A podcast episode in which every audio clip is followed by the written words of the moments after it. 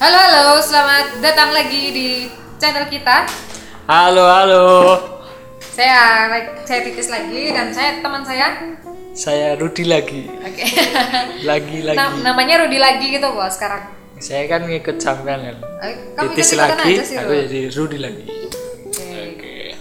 Kemarin kita bahas apa ya? Ah, kemarin kita bahas tentang siapa itu? Yang penulis anu? Oh yang kita sampai ke Korea itu, oh maksudnya ke literasi Korea Rud. Wow. Iya. kita bahas Thomas. Vegetarian. Wah, iya. Vegetarian. Iya. Vegetarian, iya, iya benar-benar. kali ini kita mau bahas apa Rud? Ah, Ngobrolin apa nih? sebenarnya yang menarik kan apa ya? Kalau belakangan kan fiksi baru naik nih. Oh, Saya iya. nganggapnya fiksi karena ada namanya Desa Penari. Oh yang baru booming itu baru banyak banyak ngomong itu. Iya, yang itu loh, yang Kamu udah baca sampai selesai itu? eh, nggak baca sih, cuma anu dengerin cerita temen. Eh, gitu. Oke, aku udah baca, tapi Gimana? Sebagai anak indigo, indekos atau indigo? ini oh, ya ya. tadi kita dikira sponsor. Eh, Oke. Kan oke, benar itu sebenarnya bagaimana kalau kamu bilang tadi fiksi apa ataukah itu ada kaitannya dengan sastra atau enggak? Menurut kamu ada nggak, Ruth? Atau sastra itu gimana gitu? Hmm, Menurut kamu gimana? menurutku sih tetap ada ya karena sastra itu sebenarnya intinya apa sih gitu loh. Kita harus eh, gali kan eh, sastra itu apa dan di situ saya melihat eh, ada unsur-unsur sastra Bisa meskipun sastra. meskipun ya katakan itu ngepop ya tapi ya kembali lagi sastra itu bukan hal yang uh, Berat. kayak yang berat atau yang kalau Sulit. kalau kita misalnya ada manusia dan dewa terus kita dewa-dewakan gitu ya yang enggak Setuju enggak Ruth. karena itu akan uh, membentuk apa stigma-stigma yang uh, jelek lah terhadap sastra. Nah, uh, saya bacanya ini dari tweet sih sebenarnya kisah penari gitu, eh kisah kisah KKN di desa, Desa penari. Penari. gitu. Saya yang langsung tergambar kan anu, ketika saya KKN dulu kan.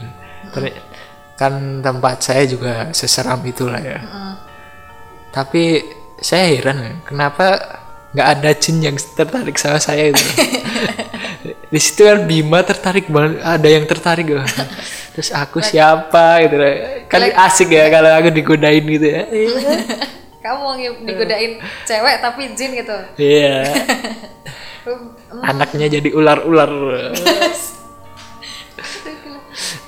Ah saya se- kalau aku kalau menurutmu gimana? Ah, cerita horor itu sebenarnya seperti apa? Apakah ada kategoris kategorisasi tertentu atau bagaimana sih sebenarnya cerita horor itu Eh, pernah kebetulan kemarin kita ngobrol dengan teman-teman dari kibul.in itu kan ngobrol tentang sastra horor gitu atau sastra demit gitu kemarin tema obrolannya. Ya memang banyak pendapat tentang bagaimana sebuah tulisan digolongkan horor gitu. Tapi kalau dari pendapatku pribadi sastra yang eh, disebut horor nggak mes nggak ditin- itu ditinjau dari berhasil tidaknya dia menyampaikan rasa takut kepada pembacanya gitu loh Ruth. Jadi pembaca bisa menemukan sebuah pengalaman rasa takut. Ketika rasa takutnya itu dapat, itu bisa jadi horor. Ba- Bahkan ketika itu nggak ada hantunya. Soalnya kan banyak kita baca cerita itu ada hantunya tapi nggak takut tuh. Nah baikku itu horornya nggak dapat. Berarti horor itu sebenarnya apa? Horor itu takut Dari atau monster atau hantu? Katakan kalau kita lihat film-film itu kan cerita apa film horor Nah, berarti film itu ada hantunya gitu kan. Nah kalau ce- cerita horor itu sendiri sebenarnya apakah eh, seperti itu? Cuma perihal takut atau sebenarnya cukup ada hantunya aja gimana? dari rasa. Dari rasa. Ya? pengalaman rasa takut itu Hmm, iya iya. Ah, kalau iya kan istilahnya apa dark fiction ya dark Ya, gelap dark ah. Jadi kalau sempet sempet baca itu kan memang eh, yang pal menurut saya yang paling menonjol itu eh, pada suasananya, pada eh, setting ceritanya. Jadi eh, gelap, eh, takut, kemudian menyeramkan, menyedihkan. Jadi ada eh, karakterisasi-karakterisasi semacam itu yang eh, membuat cerita itu dikatakan sebagai cerita dark, cerita gelap gitu. Eh, tapi saya sebenarnya masih selalu bertanya-tanya kan. Sebenarnya cerita eh, apa?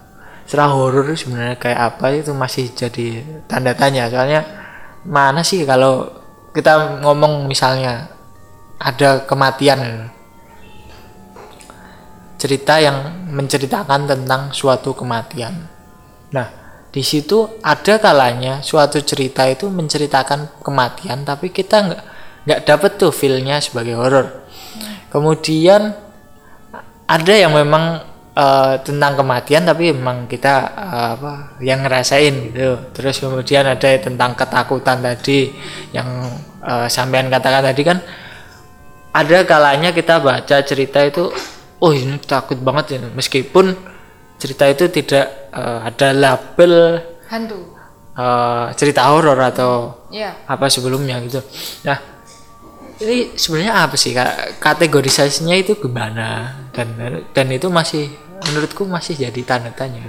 Ya balik lagi tadi memang pendapat orang bisa beda-beda sih Ruth. Eh, ap- apa yang salah itu Juga- sebenarnya kategorisasinya apa? juga menurutku batas eh, apa ya batas takut seseorang Ah. itu juga beda-beda. Apa yang membuatku takut belum tentu membuatmu takut juga. Itu juga setiap orang kan nggak sama Ruth oh oh iya. Iya kan? Kayak ini ya. Kayak cerita yang menurut saya itu cerita recycle dari ceritanya Nabi Yusuf si Ya. Intan Paramadita. Nah itu masuk eh, apa eh, di bukunya kumpulan budak setan itu. Nah di situ dia itu eh, ya sangat kelihatan lah. Namanya ada kegantengan si Yusuf kemudian ada wanita-wanita yang sampai menggoreskan uh, dari Pisau telunjuknya gitu ya. Nah, Oh. nah, gitu. Nah itu dia masuk ke situ kan yang itu memang buku itu dilabeli sebagai buku salah satu buku horor lah ya. Terus kan saya sendiri nggak nggak nyampe gitu loh. Ini horor horornya dari mana? gitu. nah gitu lah ah, mungkin gini aja lah. Kalau sampean ada nggak referensi yang memang ah, cerita itu sampean anggap cerita horor gitu. Ada Ruth apa? Pernah baca Talipati? Itu sebenarnya itu sebuah buku riset sih penelitian hmm. dari Mbak Iman Budi Santosa. Hmm. nah itu kamu pernah baca belum? Belum. Belum. Itu menceritakan tentang fenomena gantung diri di Gunung Kidul. Pulung gantung lah. Pulung gantung ya Ah. pulung gantung. Nah itu itu kayak itu buku itu men- diceritakan berdasarkan wawancara terhadap beberapa orang gitu kan. Hmm. Be- beberapa keluarga. Jadi di situ ada ba- banyak cerita menceritakan tentang pengalaman keluarga-keluarga itu ber apa ya yang diduga ada kaitannya dengan pulung gantung. Sebenarnya Mbah Iman juga adil juga sih dalam buku itu menyampaikan dari sisi penelitian psiko, eh, psiko- dari sisi psikologis misalnya. Mungkin itu faktor depresi atau apa tapi disebutkan juga oleh Mbah Iman adanya kemungkinan lain yang itu belum bisa diteliti secara sains. Maksudnya kaitan ada kaitannya dengan hantu pulung gantung itu loh. Oh iya Nah, ke- pada bagian ketika Mbah Iman menceritakan adanya faktor hantu itu, Hmm. itu seremnya dapat Ruth. Karena di situ ada faktor-faktor yang sangat penting nih loh dalam dalam penyampaian itu. Salah satunya adalah sisi-sisi emosional dan suasana Gunung Kidul itu disampaikan dengan sangat matang, sangat jadi itu. contohnya gimana contohnya Dia ada sebuah itu cerita awal, salah satu cerita, cerita di awal-awal buku itu menceritakan tentang seseorang gadis, seorang anak yang dia tuh broken home. Dia sama bahkan sama kedua orang tuanya yang tidak di tidak di apa ya tidak dirawat dengan baik lah bahkan mungkin ditinggalkan gitu. Hmm. akhirnya dia dia di asuh oleh sebuah keluarga sebagai anak ini anak pancingan. Karena keluarga konon keyakinan di Gunung Kidul itu kalau tidak punya karena konon di Gunung Kidul itu ada sebuah keyakinan bahwa ketika seorang tidak bisa punya anak dia pakai anak pancingan dengan mengadopsi anak lain yang harapannya nanti bisa memancing anak kandung Hmm. nah itu istilahnya anak pancingan Hmm. itu dicerit- dari cerita itu diceritakan dengan pendekatan si emosional yang dapat dan itu sangat memang kekuatannya Mbah Iman di situ. Oh iya sih, kalau memang kalau ingat apa Mbak Iman itu kan kalau beliau cerita itu sangat runtut ya nih. Nah, Ruth, Pasti rasa ah, asik banget. pendalaman rasanya itu kan dapat banget Mbah Iman. Ah, Nah, sampai di suatu hari ketika si anak pungut ini, si anak pancingan ini ditemukan gantung diri. Di situ Mbah Iman meneliti dari sisi psikologis bahwa ini bisa dirunut sejak masa lalunya. Ba- bahwa dia dulunya broken home, bahwa dia mau uh, di, di diasuh oleh ibu angkatnya, bahkan sampai ketika dia menikah pun sama ibu angkatnya tuh tidak diperbolehkan. Karena yang namanya anak pancingan itu ketika dia meninggalkan keluarganya, keluarga yang mengadopsi, hmm. itu ak- eh, akan terjadi hal yang tidak diinginkan lah Ruth. Jadi dia benar-benar dikekang oleh keluarganya yang saat itu mengadopsi dia Sampai nggak boleh nikah. Mm-mm, sampai nggak boleh nikah. Itu ditulis juga semua secara detil oleh Mbah Iman. Da- itu berdasarkan sisi psikologisnya. Hmm. Nah kalau dari sisi itu tadi horornya, Hmm. ada sebuah keyakinan, di Gunung Kidul bahwa ketika seseorang melihat yang namanya hantu pulung gantung, entah kenapa mau tiba-tiba timbul keinginan untuk bunuh diri gitu. Jadi dua aspek ini ditulis oleh Mbak Iman di dalam cerita itu. Oh ya. Nah, ketika sampai pada sebenarnya ketika Mbak Iman menyampaikan dari sisi psikologis maupun horornya itu, hantunya itu, itu mencekamnya dapat semuanya. Itu menariknya di situ. Karena sangat itu pertama itu kejadian nyata ya.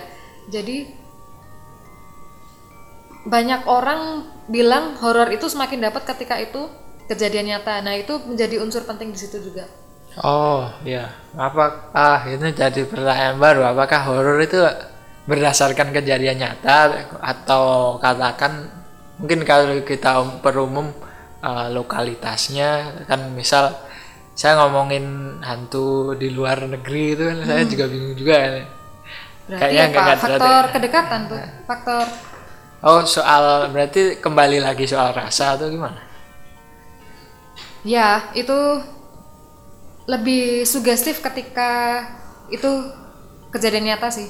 Oh. Aku tanya ke beberapa teman dan banyak teman dan mereka memang yang kutanya itu semuanya setuju bahwa horor itu lebih dapat rasanya ketika kejadian nyata. Oh iya, saya jadi ingat uh, si siapa? Risa Saraswati itu yang Oh ya, youtuber itu. ya Indigo juga katanya. Indigo Ya, juga. Itu kan beberapa ceritanya memang ngambil dari pengalamannya terhadap Nyata. Oh ya, hal-hal- ya. hal-hal gelap-gelap gitulah. Mm, mm. Itu dia punya ini Ruth ciri khas dia punya tokoh tokoh yang dia sampaikan itu jadi jadi itu loh jadi ada beberapa jenis je- beberapa hantu yang dia ceritakan kan hantu anak-anak Ah, itu ah. dan itu tokoh punya karakter itu loh Ruth dia punya tokoh-tokoh yang jadi icon-iconnya itu dia berhasil di situ dia berhasil membangun tokoh membangun karakter Oh, nah ya, itu juga penting juga di situ bisa tokoh, bisa suasana. Hmm. Jadi macam-macam ya sebenarnya memang eh, sama dengan kisah-kisah yang lain cuma memang eh, ada beberapa yang dikategorikan tertentu ya kisah-kisah itu. Nah, kalau ngomongin horor kan sebenarnya ada kan legend nih. legend oh Legend si siapa itu? Abdullah Harhab oh yang ya agak-agak ada gimmick-gimmick eh, apa seksnya gitu ada kemudian ya pastinya tetap serem lah tapi cerita-cerita yang eh, mengangkat dari cerita-cerita oral yang berkembang di masyarakat gitu loh. Mm, mm, mm, mm. itu menarik gitu. Saya saya pernah pernah baca lah itu.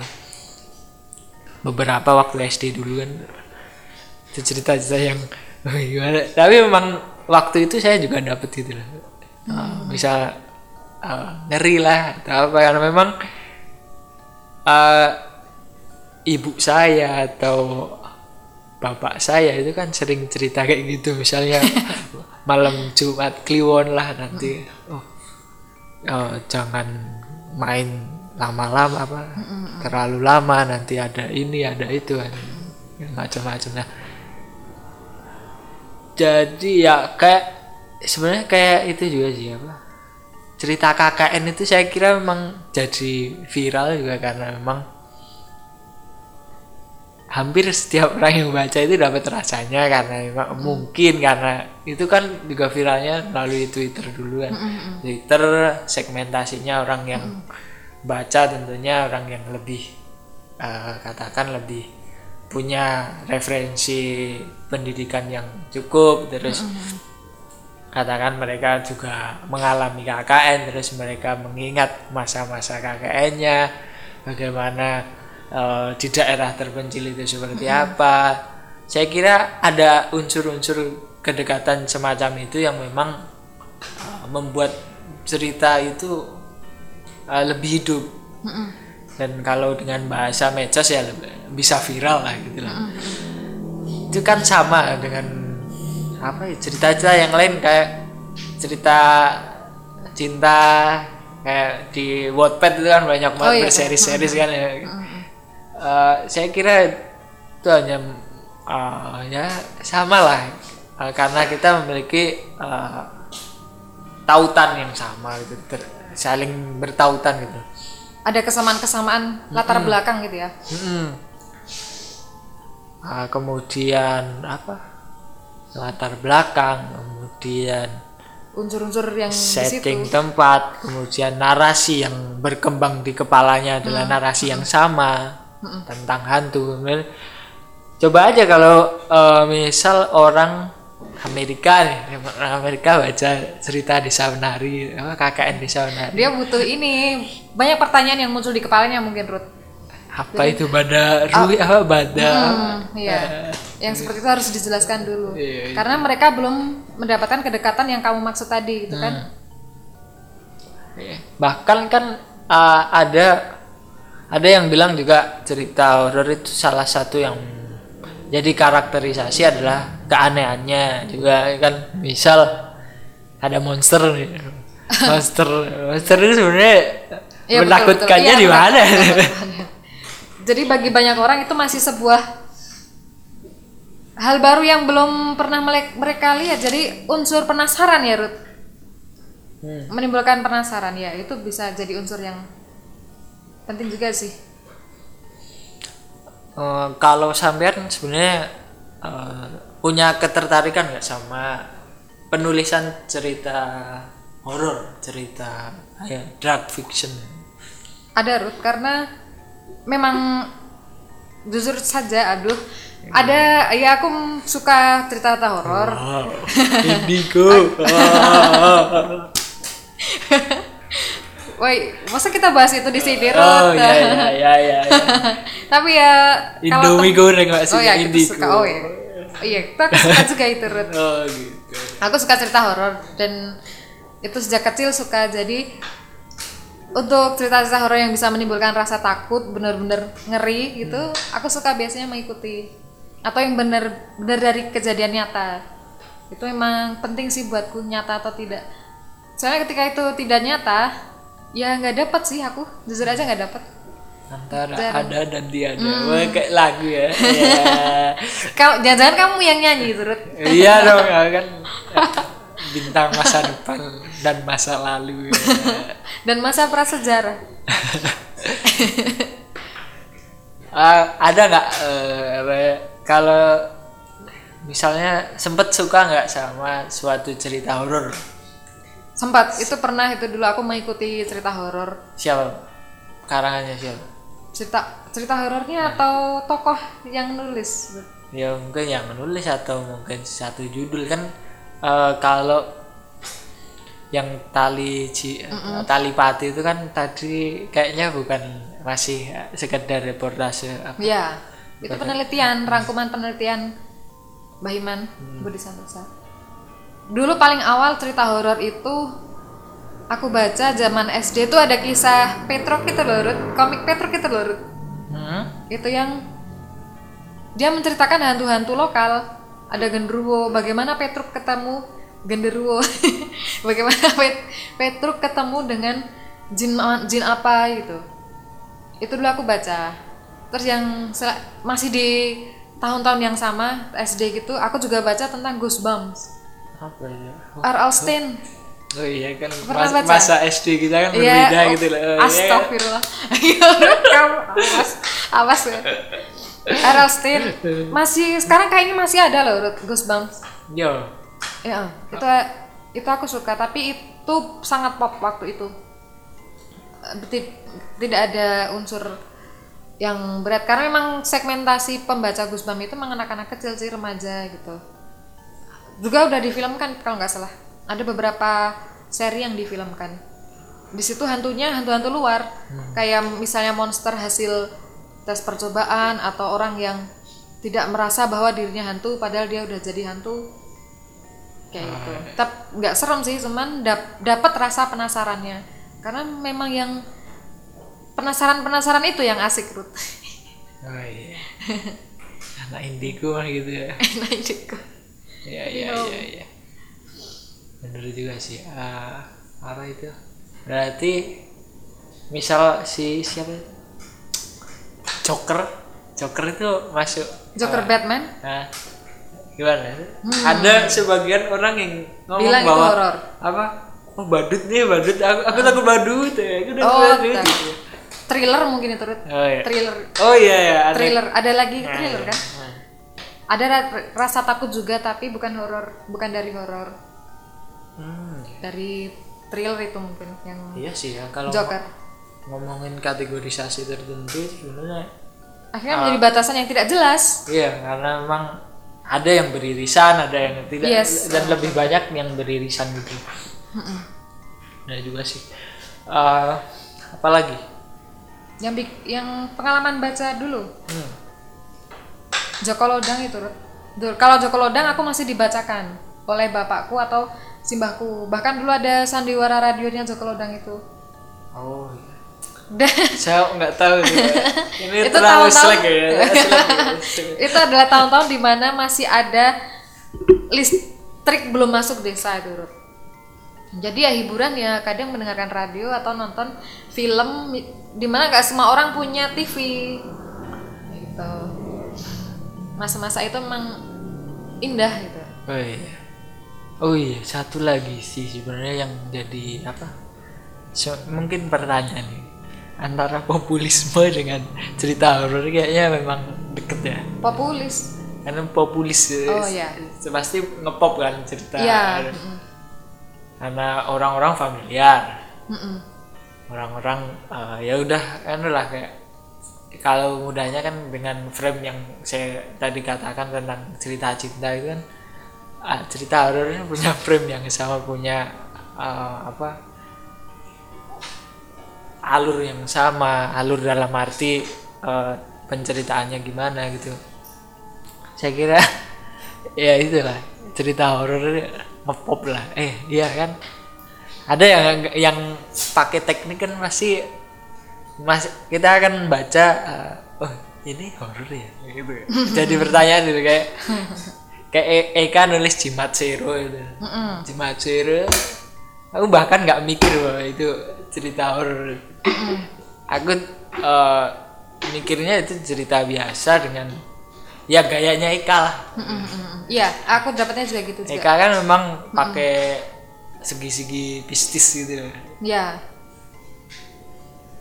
zero ya ya tapi mungkin karena itu fiksi ya, itu juga itu tidak memuat unsur kejadian nyata itu juga jadi kamu nggak terlalu takut bisa jadi itu. hmm. ya Cuman kalau dari segi penceritaan tentu bagus banget cerita itu, cerpen itu. Iya. Tapi kalau dari berhasil tidaknya menyampaikan pengalaman takut, rasa takut, aku belum dapat ya. jibat zero. Iya sama sih. Oke. Eh, gimana? Apa kita masih kurang seram atau gimana? Se- Sebenarnya lebih serem kalau akhir bulan turut. oh iya, bener itu, bener banget itu. suram itu. ya, mau mau gitu nggak lah. makan takut mati. mau makan ya sama aja gitu kan. mati kan nggak ada uangnya. Iya bener. Eh, Kayaknya mungkin itu yang bisa kita obrolkan ya. episode kali ini. Ya ya ya saya kira ya memang sudah cukup begitulah. Nanti kalau terlalu lama nanti kita ngomongin indigo. Oh, iya. Nanti yang anak indigo tersinggung lagi. Tapi aku sebentar Ruth, aku aku ingat ada yang unik tentang rasa horor. Gimana? Jadi ketika orang sendiri gimana? Ah, dia lewat jalan hantu misalnya yang ada hantunya gitu, dia akan takut Ruth. Atau dia nonton film horor gitu, dia sendiri tuh biasanya takut nggak berani. Tapi ketika dia takutnya bersama orang lain, teman-teman atau misalnya sama-sama takut, akhirnya mereka malah menikmati Ruth. Jadi ini unik Ruth. Takut sama-sama ini loh Ruth. oh iya, iya. itu perlu dijelaskan sih Ruth gitu itu aja sih Ruth tambahan apa lintasan pikiran Gue ya, bener itu. Jangan lama-lama. Soalnya katanya eh, apa? Di samping rumahku ada pocongnya. saya takut. eh. katanya pengen digodain Ruth Oh iya ya. oh iya Pocong kan nggak nggak cantik. Aku pengen yang ini yang cantik-cantik gitu. ya. ya mari kita tutup diskusi kita kali ini dan mari kita doakan sama-sama biar Rudi ketemu hantu cantik Yeay, amin. saya Titi selamat pamit Saya Rudi. bye bye Bye bye.